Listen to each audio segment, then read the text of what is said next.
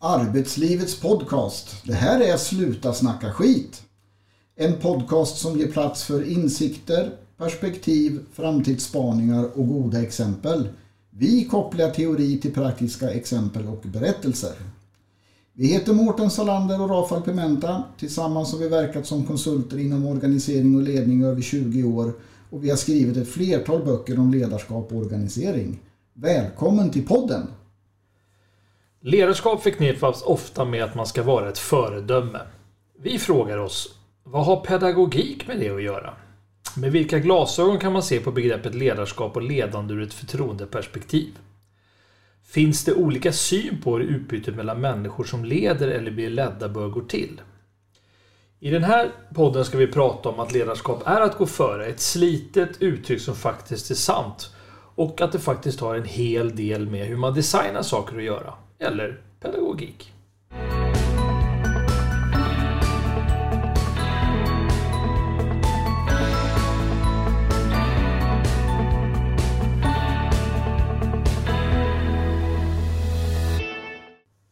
Men Mårten, vad, vad, vad är ledarskap så som vi ser det? Man svänger sig med det uttrycket, men vad, vad, vad säger du om det? Ja, alltså det är ju spännande. Det är ju ett slitet uttryck. Mm. Ehm, det är med. det, är med. Alltså det används ju till eh, att beskriva allt och ingenting på något sätt. Mm. Men, men vi, vi, vi, brukar ju tycka om att dra isär det lite grann eh, och prata om att management är mm. något annat. För i, i, i dagligt tal och hur man läser i fackpress och sådana saker så, så säger man att den och den organisationen det behövde ett nytt ledarskap och sådär. När man egentligen pratar om att den och den organisationen behöver ett nytt management. Mm. Behöver en ny affärsinriktning eller behöver en ny kraft eller någonting sånt. Men, men väldigt schematiskt. För vi har ju pratat om det här i en tidigare podd. Men, men väldigt schematiskt så kan man säga att management är när man optimerar och maximerar mm. en organisation. Man managerar saker. Ja, precis. Och ledarskap är mer av ett visionsbygge. Alltså att man flyttar attityder, inställningar, möjligheter från A till B. Ja. Eh, kräver en helt annan typ av insats. Ja. Eh. Kraft låter det som. Liksom, ja, men fysiskt. Mm. Men, men det, du var inne på klyschor förut. Alltså det, det, finns ju några som vi gillar ja. i termer av beskrivning. Mm. En, en låter så här, att samordna de resurser man har mot ett givet mål. Mm. Eller att samlas och skapa kring en idé eller en vision. Just det. Eh, och det skulle även kunna låta så här, att ta ansvar för att lösa en situation. Just det. Alltså utvecklingen av det här bolaget till exempel, eller den här organisationen eller något, något liknande. Mm. Eh, vi, vi, ser ju inte ledarskap som, eh, ja men då håller jag lite medarbetarsamtal. Att det är ledarskap. Mm. Det eh, låter som en uppgift. Ja, det är mer än en arbetsuppgift. Så. Vi, och vi ser ju heller inte att det är eh, lite agilt beteende eller någonting sånt. Mm. utan vi, vi ser ju ledarskap som en funktion. Ja. Som samordnar och balanserar en organisations två huvuduppgifter. Mm. Eh, och då är vi tillbaks på det här vi, vi har pratat om med produktionsuppgiften. Mm. Alltså det vi levererar till kund, det vi kan ta betalt för eller eh, på olika sätt. Mm. Och sen så är det samspelsfunktionen, det samspel vi behöver internt med våra kunder och vår omgivning för att lösa produktionsuppgiften så den blir så lönsam och effektiv som möjligt. Mm. Eh, och där är ju ledarskapet kittet emellan som gifter ihop eh, de två perspektiven. Det. Så det är ingen add-on utan det är själva kärnverksamheten. Mm. Eh, och det är en hävstång för effektivitet och lönsamhet och hållbarhet över tid. Och om det nu är så som du och jag säger mm. eh, så borde det ju vara en chefs eh, eller ledares viktigaste uppgift Mm. Att utöva det här på ett, på ett väldigt bra sätt. Med en tanke och en plan och det här som vi, vi, vi brukar återkomma till. Mm. Men, men tyvärr ser vi ju att det lätt hamnar som en add-on. Ja, precis. Och vi har ju pratat i tidigare poddar om att eh, det är, alltså, många chefer har en på tok för stor administrativ börda.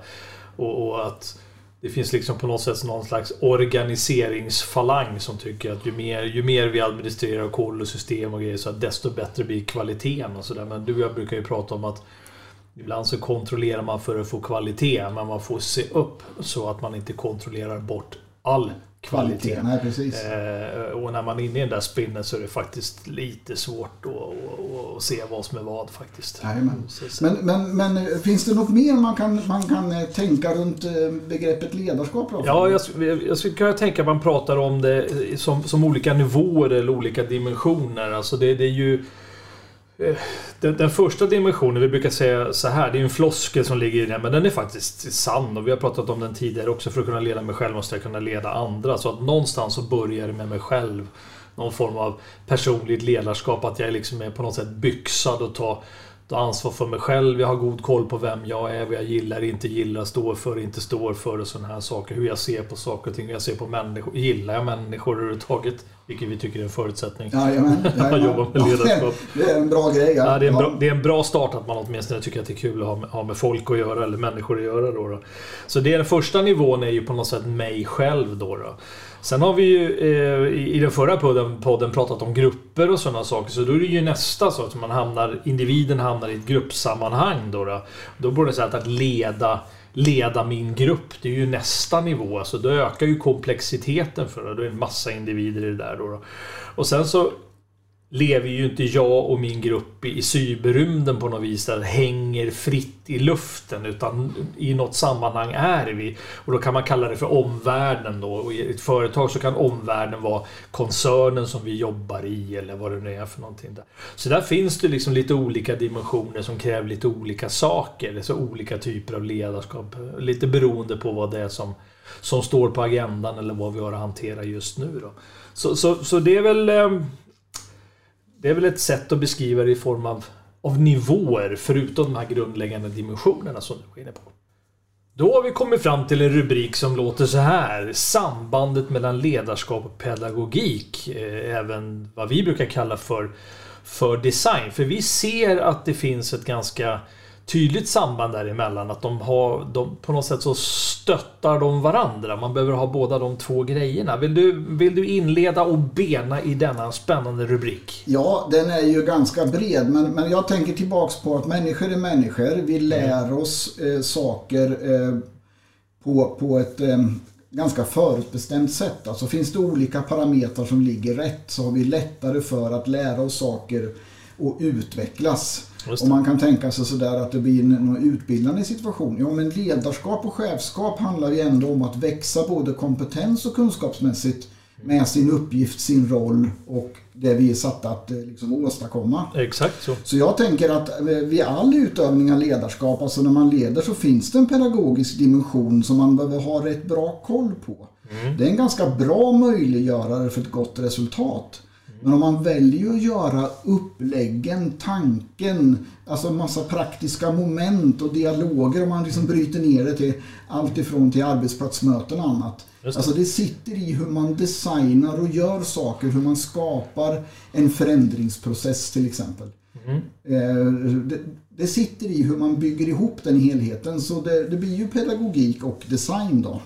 Så egentligen när man har en budgetprocess eller ett affärsplanarbete så kan man ha de här grejerna för handen när man faktiskt skapar grunden för det arbetet. Ja, absolut så. Eh, Och man kan tänka på några beståndsdelar som är viktigt att få med i Ja, det låter lite så här i allt man gör. Men, allt man men, gör, ja. ja. men en sån där är ju att vi som individer har, har vad heter det, behov av att em, få kläm på vad jag vill uppnå. Just det. Så, så em, det går inte att engagera någon i ett budgetarbete eller i en utvecklingsprocess om det inte finns något in it for den som ska bli engagerad. Vi pratar om någon slags vinst. Någon vinst Ja, så är det liksom för att fånga viljan och nyfikenheten. Mm. Så, så behöver man fundera på vad, vad, vad, vill, vad vill jag som ledare uppnå och vad kan jag skapa för engagemang hos mina medarbetare. Mm. Det andra är ju att ta tillvara på Alltså alla de erfarenheter som vi har Mm. men även de erfarenheter vi gör under en sån här ja, Ta ett budgetplansarbete. Det är så, eller en förändringsprocess eller bara driva det här projektet som vi håller på med. Just det. Och det där är en sån där grej som, som jag tycker jag kan höra när man är ute så att när man, inte, när man har tidsbrist att man inte hinner. Men den här är ju väldigt, väldigt viktig. Att, att, få, att få med sig. Ja, ja, ja. Alltså man kan se det ju som, som hållplatser på vägen på resan eh, mot någon form av ökad kunskap och visdom tillsammans. Eh, vi hoppar ofta över det, som du var inne på. Eh, vi blir så upptagna av allt vi gör så vi bara kutar vidare. Och så glömmer vi bort det här. Att inte ta sig tid att reflektera enskilt och tillsammans. Och då bommar vi hela grejen med kollektivt lärande och kollektiv kompetens. Just det. Och, alltså, då betyder ju det att vi... Det är så väldigt populärt begrepp det här med livslångt lärande och lärande organisationer. Det. Och det här är ju nyckeln i det. Vad kan man mer tänka på då för? Ja, alltså ledarskap och koppla det till pedagogik. En, en, en sak som är viktig det är ju att man eh, skaffar sig en förmåga och skills att problematisera sin befintliga kunskap. Alltså erfarenhet är ju jättebra och kunskap är ju liksom jättebra och sådär. Men det är inte säkert att det jag kan och den erfarenhet jag har passar liksom in i alla situationer. Så därför måste man på något sätt våga utmana det man tror sig redan kunna. Eh, tror, jag, tror jag är väldigt, väldigt, viktigt. Eh, för, för annars finns det ju en risk att det jag kan bli som en sån här mur. Det är sån tegelstenar som jag staplar framför mig. Så till slut så ser jag inte ett smack. Lite så då. då. Men, men kan, man, kan man problematisera sin befintliga kunskap och tänka sig, men tänk om man borde tänka på ett annat sätt. Det här brukar ju funka, men vad är det som gör att det funkar? Och så, här. så gör man det, då, då, då funkar det. Då, då kan man ta sig till helt, helt nya ställen rent insiktsmässigt. Alltså. Och jag tror riktigt duktiga människor i en organisation som öppet vågar ifrågasätta sin kompetens. Eh, det skapar ju ett sug för alla andra att våga. För vi pratar lite grann om mod, för här krävs det lite mod att göra det. Då. Jag tänker på om vi, backar bandet i, i det arbetsliv vi är i. Och, och ett antal år bakåt så där så tänkte man sådär att eh, när, när man eh, satt och tittade på CVn så tänkte man Rafael Pimenta, det här är intressant. Han har ju gjort det här i 20 år. Ja, just det. Eh, honom ska vi ha. Ja. Eh, för han vet hur man gör. Ja, eller hur? Ja. Medan idag är det sådär, tittar vi på CVt här till Rafael Pimenta. Han har gjort det här i 20 år. Ah, då finns det en risk att han sitter fast i det gamla. Ja. Så vi har ju ändrat attityd till erfarenhet. Precis. Lite så ja. Eh, en, en annan grej är ju att man måste ha bra förhållningssätt till den kunskap jag redan har. Jag tänker på lite, lite ödmjukhet. Alltså de, de människor som jag träffar om morgon som, som jag tror eller tycker har kunnat mest är ju de också som är mest ödmjuka kring, kring det de kan. Och ju mindre man kan desto mer ja, gör man någonting annat. Ja, du förstår vad jag menar. Ja, men precis så. Eh, lite så. Men alltså att den kunskap jag redan har, alltså hur ska jag värdera den för att kunna använda den på rätt sätt? Eh, det, det, det är väldigt, väldigt viktigt att ha lite koll, koll på de bitarna. Då. Eh, att tillbaks till det här begreppet ledarskap. Då. Jag tänker på när man utövar ledarskap. Då behöver ju de här fyra nycklarna som vi nu har pratat om. Alltså de behöver ju få näring och de behöver ju vara, vara synliga när jag leder. Alltså i vardagssituationer så måste ju de där vara med om man uttrycker sig så. Som, som eh, delsaker. Alltså när vi har arbetsplatsmöten, när vi har medarbetarsamtal, när vi har svåra samtal, när vi har eh, förändringsprocesser eller vad det nu är för någonting. För du och jag menar ju att ledarskap är ju ingen add-on som vi pratade om alldeles nyss. Men, men eh, att det egentligen är allting vi gör. Så då behöver ju det här genomsyra Mm. Ja, det. allting man Sätta gör. Som en slags bas, Bas, ingredienser i så. kakan. Ja. Ja, precis. Eh, Lite så. Mm. Eh, Jag, jag, jag tänker så här att alltså, ledarskap utan en pedagogisk grundtanke. Det, det är liksom utan att man har en filosofi med, med, med det man vill uppnå och, och sådana saker. Det kan aldrig bli världsklass. Det kan bara bli, bli mediokert. Och du och jag har ju varit i ganska många sammanhang där, där så här, men vad är det för ledarskap ni vill se? Och så blir det ju liksom så här tyst. Ja, vi ska ha ett bra ledarskap. Här. Mm, Men vad är det? Vad är då det? Och det är det vi pratar om med de här, de här fyra byggstenarna. Att det på något sätt en bas och genomsyrar det där. Alltså, och, ha, jag tänker så här, har man en pedagogisk grundtanke eller en filosofi med sitt ledarskap. Då finns det också en väldigt stor chans att folk vill haka på. Har man det inte och det bara blir mediokert så det blir bara, det är bara en massa chefer kvar som ingen lyssnar på. Nu tänkte jag att vi skulle ta och prata om eh, det du och jag brukar kalla för de två dimensionerna av ledarskap och ledande. Vad, vad, hur, kan- hur kan vi hur kan vi närma oss, närma oss den rubriken? Ja, vi kan, vi kan börja med att eh, tänka oss två linjer, tänker jag, eh, Mm. som förklaringsmodell. Och, och då finns det ju den vertikala linjen, den som går från topp till botten, uppifrån och ner. Mm. Och så kan man associera till något vanligt vedertaget eh, organisationsschema. Ja, något träd där. Ja, men- Något träd där med Mm. någon, någon boss och grosso i toppen och, Mm. och, och, eh, och så eh, följer det neråt så. Men och så kan man tänka eh, en horisontell linje som eh, ligger som en vatten, vattenyta. Så kan man prata om den vertikala strukturen eh, och den eh, horisontella strukturen. Mm. Eh, och och i, i, I den vertikala så handlar det väldigt mycket om kontrakt, ramar och strukturer och då kan man prata om det lite grann som, som chefskap. Mm. Och i den vertikala, det är lite mer jag och du. Mm. Eh, och då kan man prata om den dimensionen som, som, som mer ledarskap. Men, men ehm, eh, vad, vad, vad, om du skulle fördjupa det där lite grann Rafael? Så du var ju inne på det där med, med topp-botten, alltså man har någon chef längst uppe som ska räkna ut, och, och, eller en ledningsgrupp kan det ju vara, som ska räkna ut hur, hur, hur arbetet ska utföras eh, på, på, på, på lägre nivåer om man får säga så, eh, säga så på det sättet. Då. Eh, Eh, och i den vertikala strukturen, eller hierarkiska, så, så handlar det ju bland annat om de här kontrakt och reglerna som du säger. Alltså vilka arbetssätt har vilka regler, vilka strukturer. Vem äger vilket mandat? Vi har ju varit i en del organisationer där man pratar mycket om hur, stora fakturer får man kontera, vilket belopp och det skulle underlätta om... Alltså, ja, det, det ligger där i alla fall. Sådär. Och så har vi det som vi kallar för chefskap. Och den här vertikala strukturen den fungerar så länge de där uppe i toppen är bra på att räkna ut framgång skulle man kunna säga. Om deras beslut leder till någon form av framgång. Eh, och man känner att man blir omhändertagen av sin ledning.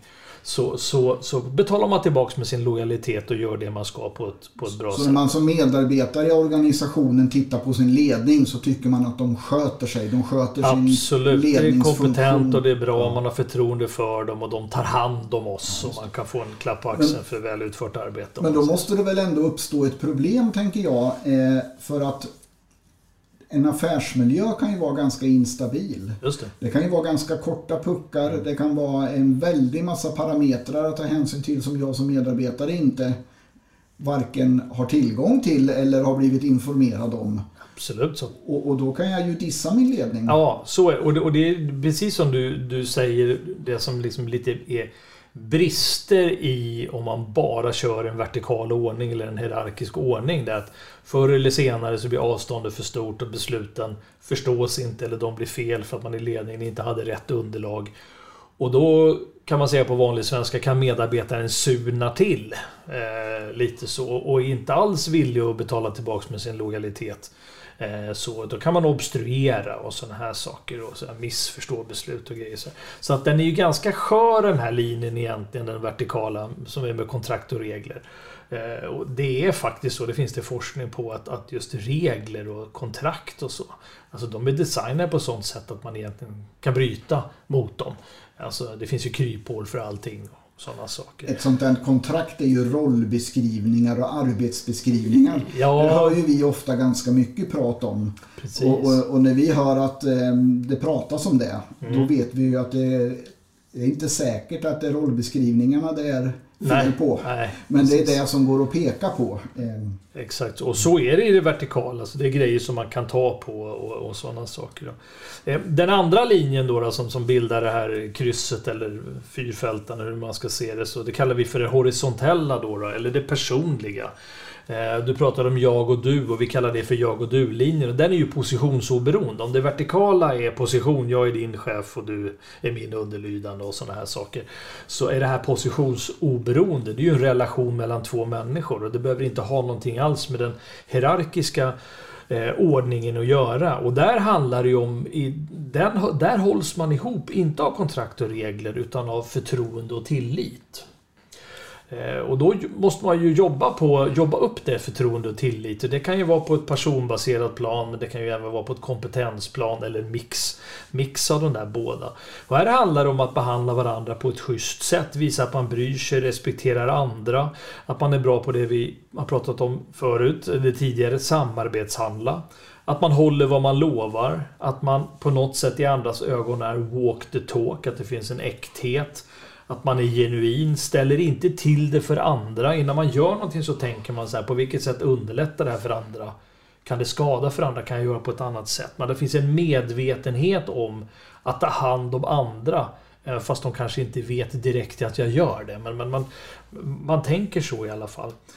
Eh, värderingsstyrd, inte situationsstyrd. Eh, att man har en god kontakt med sin, sin inre kompass. Den, den är mycket mjukare. Förtroende och tillitsbindningen i det horisontella är mycket mjukare än det här hårda i det hierarkiska om man säger så. Men, men vad, vad, kan hända då Rafael om jag, jag som är medarbetare i en organisation intuitivt jobbar på jag och du-linjen.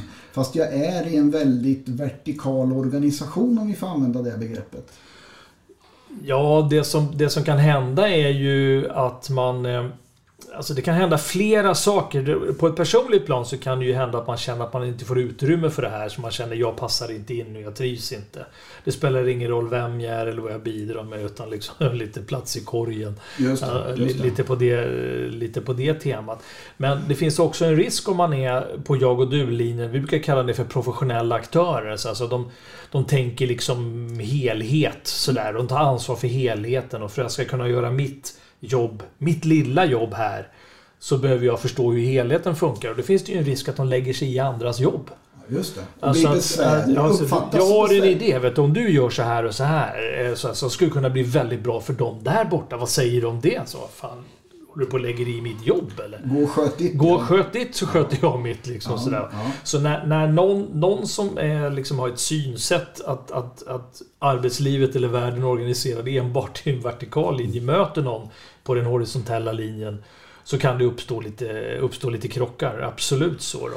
Eh, men vi, vi brukar ju säga att, att, att eh, de här behövs ju båda två, men det behöver vara balans. Eh, balans mellan det vertikala och det horisontella för att organisationen ska fungera och må bra. Man säger så. Ja, just det. Och, och då man tänker på att jag och du-linjen behövs som en väldigt stabiliserande faktor. Mm. Så den byggs ju bland annat upp av förtroende. Precis. Eh, gör den. Eh, och om man då som ledare eller ska utöva ledarskap mm. liksom missar de här förtroendeskapande kallar det handlingarna eller situationerna. Så sågar man ju lite på den gren man, man, man sitter på. För det är, ju, det är ju de där när det brinner till lite blir svårt. Mm. Eh, som man faktiskt ställs till prov. Mm. Och då tänkte jag på den här eh, eh gränsgångaren du pratade om alldeles nyss som agerar på jag och du-linjen. Mm. Istället för att då säga gå, gå bort till ditt jäkla bås och sköt ditt. Mm. Så kan man hantera det liksom på, ett, på ett helt annat sätt. Och det är i de situationerna som det, det, det hela avgörs och ledarskapet test, testas. Då. Mm. Eh, och, och, det är lättare att förhålla sig i den vertikala linjen. Det är ju bara att följa policies och, ja, och lite så.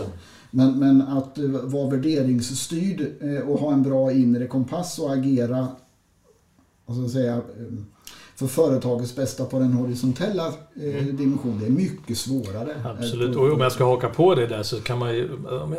Det här, det här kan låta lite krasst nu. Men det är så här, den, är man i den vertikala linjen då kan man faktiskt låta bli att ta ansvar. Är man en person ja, som tänker... Ja, då följde man väl bara policyn och... och, och ja, ja, lite, lite, lite åt det hållet. Och, och det är liksom i, i en strakt, strikt hierarkisk kultur där man inte har de här jag och du-linjerna uppbyggda på något vis. Så, så är det väldigt lätt att se till att det som är mitt ansvar hamnar på någon annans bord. och Det kan ske det faktiskt ganska ostraffat. Men, men i den horisontella linjen, då kan man inte låta bli att ta ansvar. Så det är en väldig skillnad. Båda de här linjerna behövs. Alltså vi behöver ju liksom, rent rationaliseringsmässigt så behöver vi den vertikala linjen. Men det är den horisontella som avgör hur bra man använder sitt eget system. Så de här två linjerna är i ett system. Och när man säger att man ska utveckla ledarskapet, då menar vi egentligen att man ska utveckla jag och du-linjerna inte tillsätta en chef till eller utöka med ytterligare ett möte. Det kan man göra också. Men vi menar att man utvecklar tillräckligt många jag och du-linjer mellan rätt personer i en organisation för att effektiviteten ska bli på topp. Ja, för jag och du-linjen ligger ju personligt ansvar också. Mm. Jag, jag, kommer osökt att tänka på när vi var på ett kvällsmöte och det var inte så jättelänge sedan. Mm. Och på vägen ut, vi var på, i och för sig på våning sju i ett stort hus. Mm. Så det var väl inte någon som skulle in genom det där fönstret som stod öppet. Mm. Men våran guide som skulle guida oss ut ur de här lokalerna. Eh, Eh, vi passerade ju igenom det här kontorslandskapet och det där fönstret stod öppet. Mm. Och jag vet att du kommenterade, ska vi inte stänga fönstret? Mm. Ska det stå öppet? För det, det blåste ju kallt som tusan in där. Ja. Och personen i fråga svarade, det var inte jag som öppnade. Ja. Då visste ju vi att här var det väldigt mycket toppbotten och eh, det, det personliga ansvarstagandet för helheten var lågt. Mm. Och det tar sig ett löjligt uttryck. Det var inte ja. jag som öppnade fönstret så därför precis. tänker jag inte stänga det. Mm. Men vad är det då för alla andra typer av initiativ och ansvarstagande mm. som inte heller blir till då när det får ett sånt där symptom. Banalt exempel men... Eh, Klockrent ändå. Ja, precis. vad, vad kan man tänka på mer?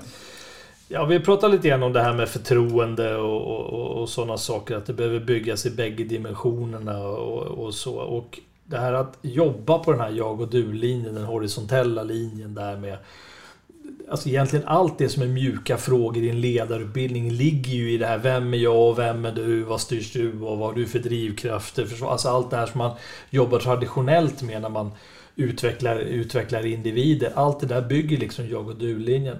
Adderar man sen till då så här, vad är vi här för? Liksom, vad är, vad är liksom ändamålet med våran verksamhet? Alltså, så vad är det vi ska uppnå? Vad är det vi ska producera? Vad är det vi ska leverera? När och till vem och sådana grejer. Om man kan gifta ihop de där två grejerna så, så, så får man ett system som är väldigt stabilt. Man kan inte bara verka i den ena eller den andra dimensionen för då, då, då tappar man bort sig helt enkelt. En annan sak som man kan tänka på det är det som man kallar för ömsesidigt utbyte eller så kallad reciprocitet. Det var ett väldigt fint ord. Ja, eller hur? Ja, men alltså, I ett ledarskap är det på något sätt ett slags utbyte mellan individer av olika saker. Det kan vara råd, det kan vara känslor, det kan vara hjälp med och sådana här saker. Och då finns det ju en kille som heter Adam Grant som har skrivit en bok som heter Ge och ta. Och han pratar just om den här skalan. Var någonstans man befinner sig på den här skalan mellan givare och tagare. Eh, eller där man helst befinner sig på den här skalan. Och vad det innebär för hur mycket man kan vinna eller tjäna på det eller så i längden. Alltså vem, vem eh, lite så. Så alltså, det finns ju lite olika stereotyper där. Vad, Ja, en sån där stereotyp, han beskriver ju egentligen eh, tre olika. Just. Eh, det är tagaren. Mm. Som eh, alltså vill vinna eller ha mer än man ger. Just det. Och, och man tvekar ju aldrig liksom att klä av andra input i en ytlig betraktelse så framstår de ju som, ofta som starka, som vinnare, som självsäkra och sådär. Ja, men, men, men, om man alltid liksom vid upprepade tillfällen tar mer än vad man ger och ser det som en kamp om att vinna.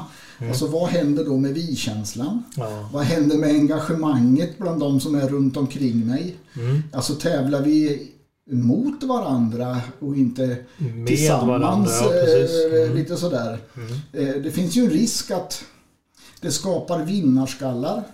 Mm. Som fightas internt för att vinna det lilla utan mm. helhetens bästa. Då. Mm. I, I, andra änden på den skalan så finns det som Adam Grant menade, givaren. Okay. Eh, och, och, det är någon som ger för att ge. Mm som ser till helhetens bästa, som ser att det där skulle du ha glädje av. Just det. Alltså det är ingen, det är ingen bytesaffär. Nej, man tänker lite större, man ger till någon slags helhet sådär. Och sen råkar det vara en person som... ja, om, om, om, om, ehm, det gynnar helhetens bästa så gynnar det mig också. Mm. Så att...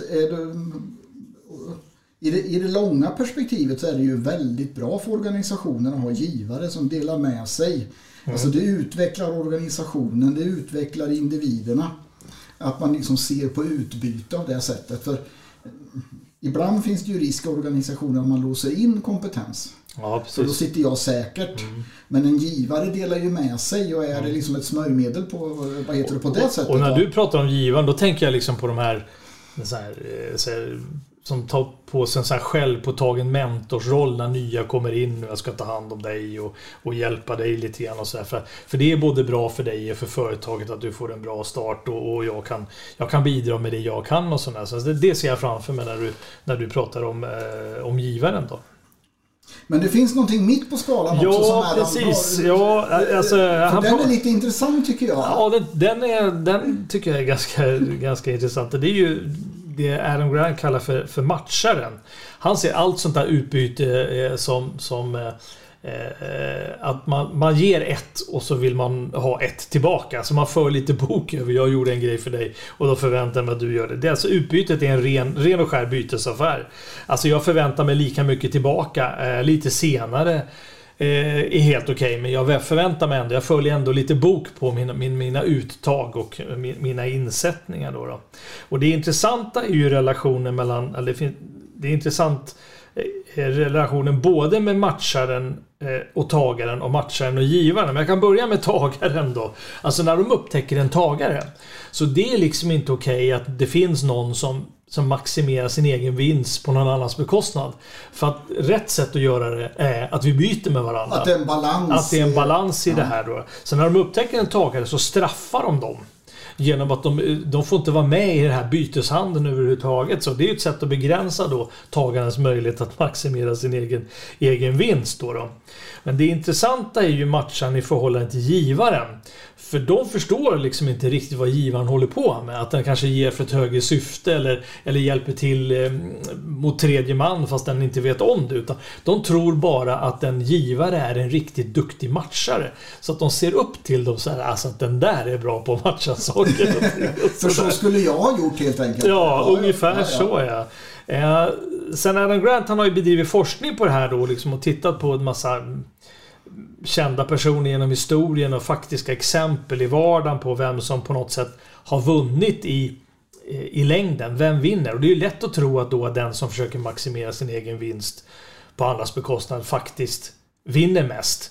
Men med tanke på att de stöter på en massa matchare på vägen så, så kan det ju inte bli så när de väl blir, blir avslöjade. De kan göra de snabba korta vinster. Ja, ja, lite så. Men han kom ju fram till han kommer ju fram till att det är givaren som vinner mest. Alltså den som ger mest vinner mest i längden. Då, då. Men, men då finns det två typer av givare. Aha. Ja, och det finns givare som har högt egenintresse. Vad menas med det? Att man har ett högt egenintresse det är ju att man har en tanke och ett syfte med det man, man gör. Så man räknar vinst på ett helt annat sätt. Alltså man kan ju vara, ta, om vi tar det här exemplet med mentorn på ett företag. Vi har ju det är speciellt en som jag tänker på väldigt, mm. väldigt tydligt. Eh, lite så. Alltså, vinsten för honom var ju att människor inte skulle bli behandlade illa när de var nyanställda. Så han tog ju sig an dem och körde en egen introduktion. Där chefen liksom inte visste om att, att det ens pågick. Han tyckte bara att introduktionen funkade jättebra. Men det var en av hans medarbetare som tyckte att företaget behandlade nyanställda som skit. Så just han tänkte, så ska vi inte göra. Eh, lite så. Så de som har högt egenintresse, de kan tänka i ett lite större perspektiv. Alltså så här, jag gör det här för att det är bra för samhället. Men vi råkar jobba här på den här verkstaden. Eller någonting i den stilen. Så då. Sen finns det då givare som har lågt egenintresse. Som inte har något syfte eller någon mening eller någon strategi med varför de gör det de gör. Och de riskerar att bli utnyttjade. Så han gjorde den skillnaden på, på, på de där två. Då, då. Eh, hur kopplar vi det här då till ledarskap? Då, då? Jag, jag, så att, alltså ledare som kan se sig som en del av något större och kan dela med sig och, och, och sådana saker. De, de tror vi liksom vinner i längden om vi ska koppla ledarskap till, till Adam Grants tre stereotyper. Då, då. Och, och, ledarskap handlar om utbyte av en massa saker. Alltså för att skapa engagemang, för något vi kan koppla ihop oss kring, något vi ska göra. Och där utbytet måste ju skapa vinnare. När man pratar om affärsrelationer så liksom så här, vad är vinsten? För en riktigt bra affär så känner sig båda som vinnare. Ja, precis. Eh, på något vis och inte som förlorare. För att det skapar ju bara en massa eh, avarter och, och, och saker när det väl upptäcks. Då. Så men jag, jag tycker alltså att eh, man kan fundera på sig själv som, som ledare, de man har runt omkring sig. Så möter man givare, vare sig det är högt eller lågt egenintresse hos dem. Möter man matcher eller möter man tagare i vardagen? Och framförallt, vem är jag själv? Då har vi kommit fram till eh, några ord till eller några rubriker till eh, från eh, Chilla-boken eller boken som mer korrekt heter Finns det inget jobb där man kan chilla lite? Att navigera i arbetslivet från A till Ö. Eh, vad har du valt idag för ord att prata om? Vi har ju pratat om eh, ledarskap och eh, tidigare har vi pratat om grupper. Så då, då tänkte jag att jag fastnade för ett ord som är revir. Revir, ja. ja. Mm. och, och grupper kan utveckla revir. Okej. Okay. och, och det uppstår när en grupp har något viktigt att försvara eller bevara. Bevara, ja. ja. Försvara kan ju vara in, att försvara sig mot insyn för hur mycket eller lite vi har att göra till exempel. Ja. Eh, och bevara kan ju vara våran goda stämning. Precis. Så hos oss ska inte någon få komma in eh, som mm. har någon annan åsikt för att det där har vi... Eh, Eller paja stämningen. Ja, för det där har vi förädlat. Mm. Och då kan man prata om att man har svaga och starka revir. Ja. Och de kan vara destruktiva eller konstruktiva. Ja, just det.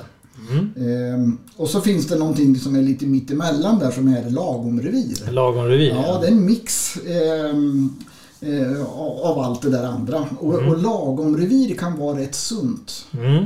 Eh, men, men om man har ett starkt destruktivt revir mm. så blir det oftast väldigt kontraproduktivt. Då. Mm.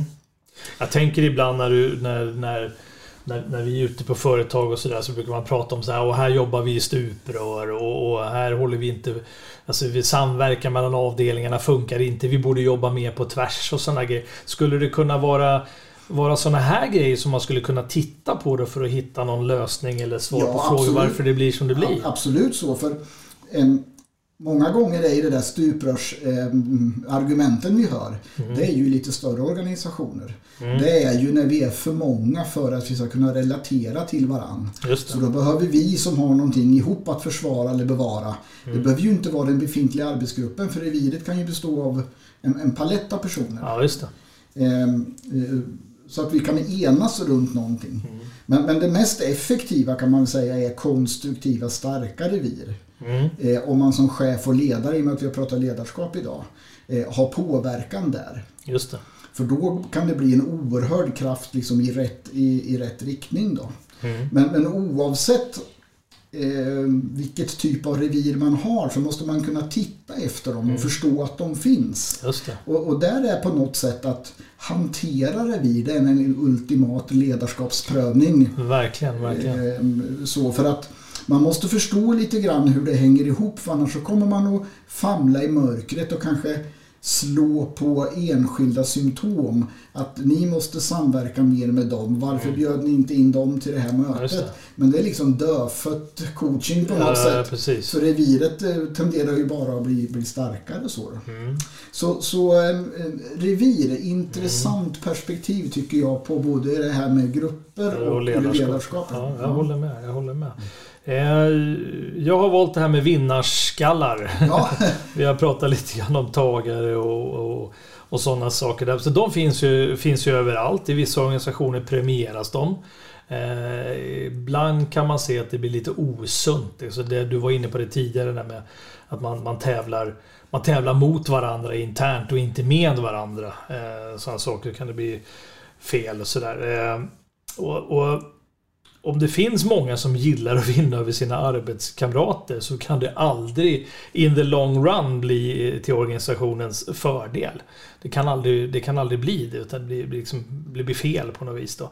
Men rätt hanterat för det finns ju mycket driv hos de här vinnarskarna. Rätt hanterat och ett sunt förhållningssätt till det då så är det en resurs, ett driv att åstadkomma saker.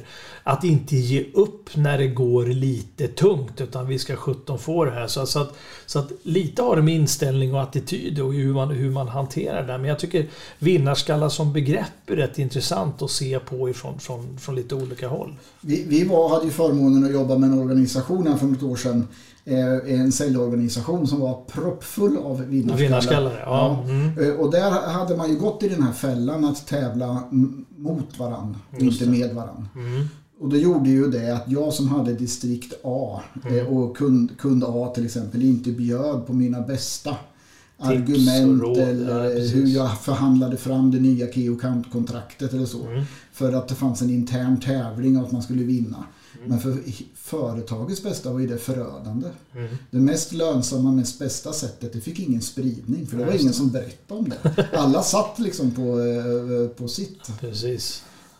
Så att eh, vinnarskallar är ju bra.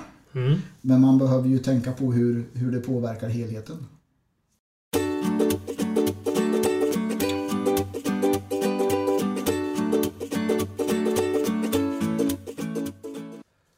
Då börjar den här podden eller det här avsnittet att lida mot sitt slut och vi tänkte vi skulle runda av med ett litet boktips. Vad har du plockat med dig idag Mårten? Jag hittade en eh, bok eh, som är ganska nyligen utkommen Mm. av en eh, författare som heter Anders Rydell.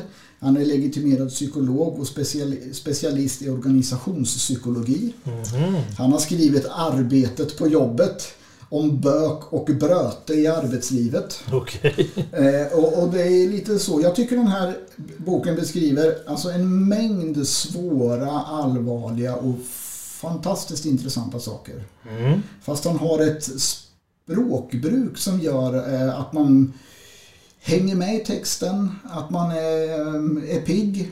Mm. Istället för att säga att då blir medarbetarna glada så skriver han att då piggnar de till.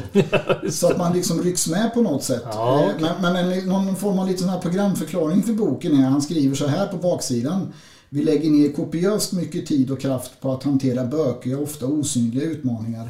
Överdriven byråkrati, orealistiska förväntningar, missförstånd, mellanmänskligt krångel, oförutsägbarhet, gränslösa roller, oklara konsultinsatser. Ja, det finns många exempel på fenomen som kan ställa till det rejält för oss i arbetslivet. Mm. Eh, och jag har läst den här boken ganska nyligen. Och om jag bara bläddrar i den så har jag i alla fall 15 hundöron Mm. med saker som jag ska gå tillbaka till, fundera mer på eller som jag faktiskt håller med honom om. Mm. Absolut läsvärd. Anders Rydell. Arbetet på jobbet om bök och bröte i arbetslivet. Tack för att du har lyssnat. Du hittar oss på Spotify, Apple Podcast, Google Podcast med mera. Helt enkelt där poddar finns och på reframeconsulting.se. Där hittar du även våra böcker och kan beställa dem på reframeconsulting.se våra böcker.